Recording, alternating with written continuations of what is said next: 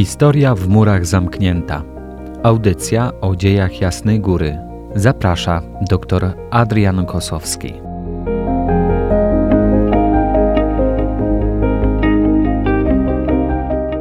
Szczęść Boże. Witam w kolejnym odcinku audycji Historia w murach zamknięta, którego tematem będą ostatnie zmagania jasnogórskiej twierdzy. W pierwszej części audycji opowiem o funkcjonowaniu sanktuarium pod zaborem pruskim oraz o krótkim epizodzie napoleońskim, kiedy to twierdzę obronną opanowały wojska francuskie.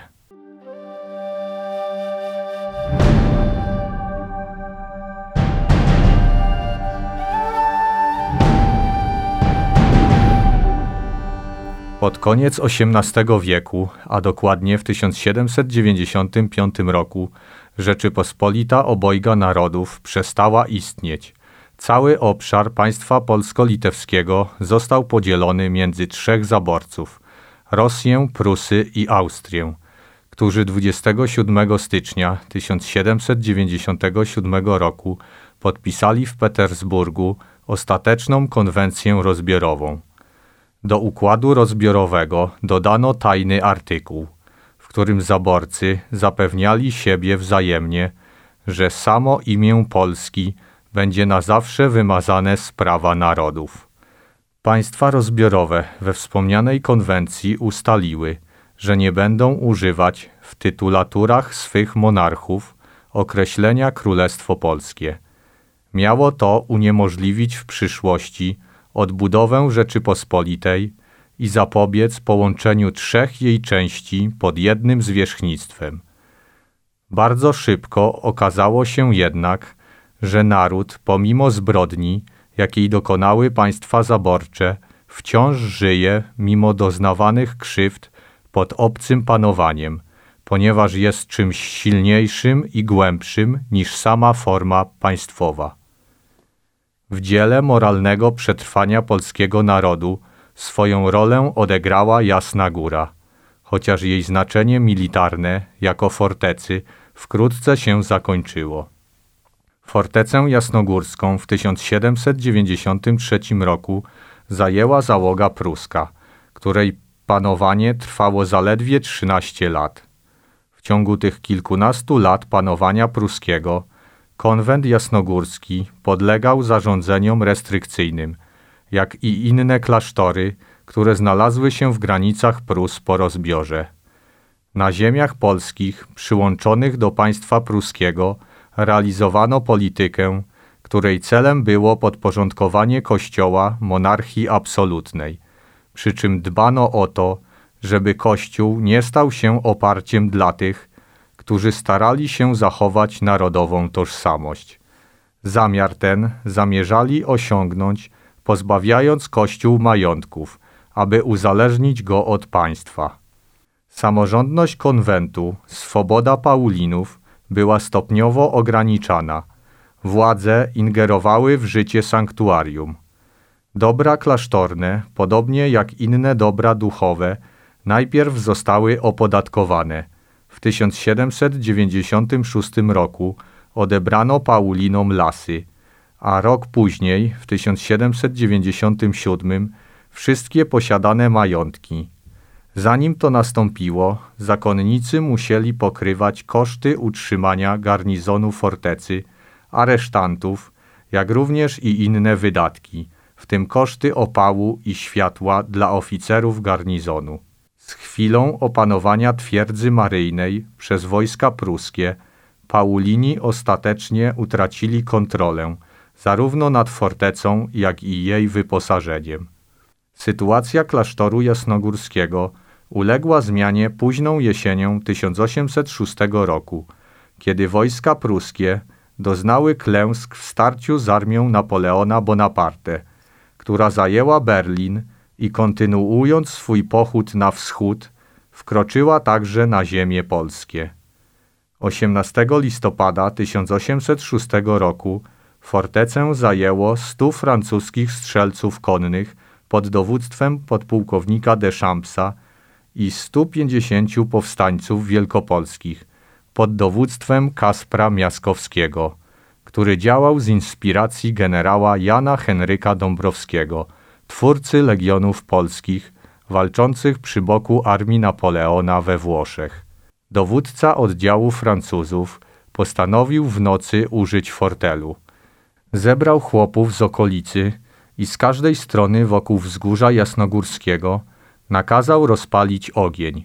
Swoim strzelcom konnym dał do ubioru mundury grenadierów piechoty i kazał im się przemieszczać razem z chłopami przed ogniskami w taki sposób, że wydawało się, że pod mury twierdzy przybył liczny oddział piechoty i rozłożył tam obóz.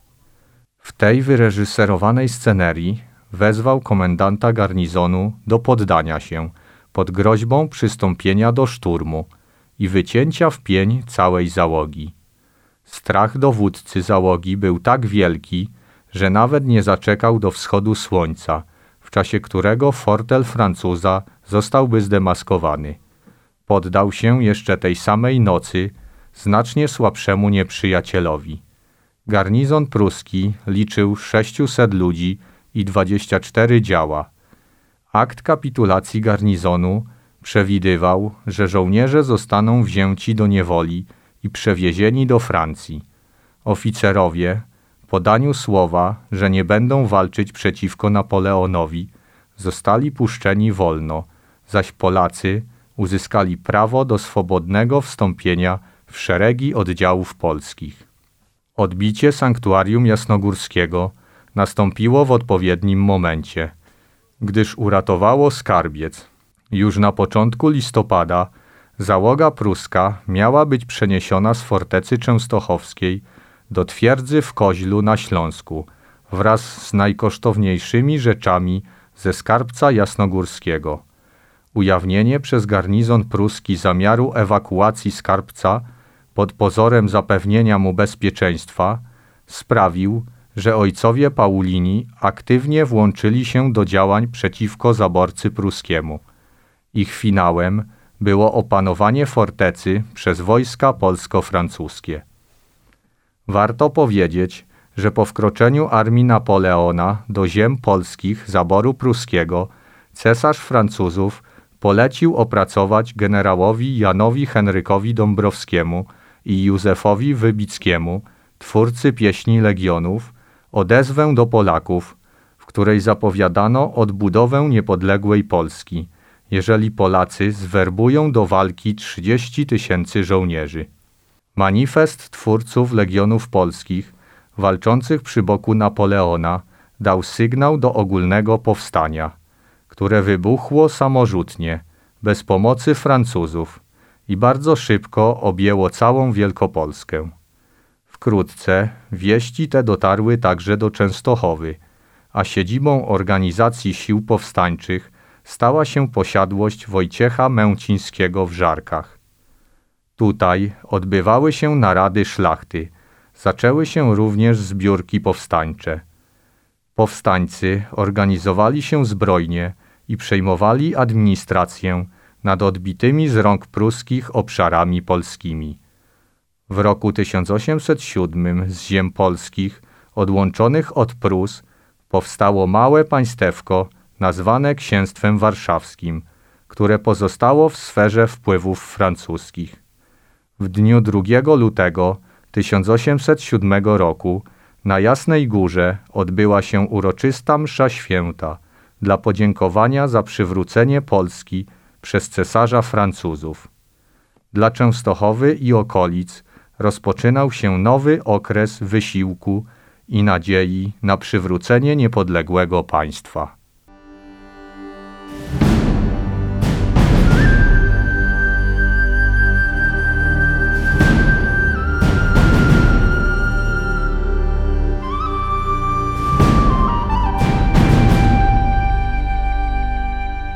Na tym kończymy dzisiejszą część audycji. Natomiast y, za tydzień w drugiej części odcinka Historia w murach zamknięta opowiem o zagrożeniu skarbca jasnogórskiego, tym razem ze strony wojsk francuskich, o próbach zajęcia fortecy jasnogórskiej przez wojska austriackie, a także o ostatnim boju, który zakończył się jej opanowaniem przez wojska rosyjskie po klęsce Napoleona, co w konsekwencji ostatecznie przesądziło o utracie znaczenia militarnego Jasnej Góry. Zapraszam wszystkich serdecznie już dzisiaj. Szczęść Boże! Historia w murach zamknięta. Audycja o dziejach Jasnej Góry. Zaprasza dr Adrian Kosowski.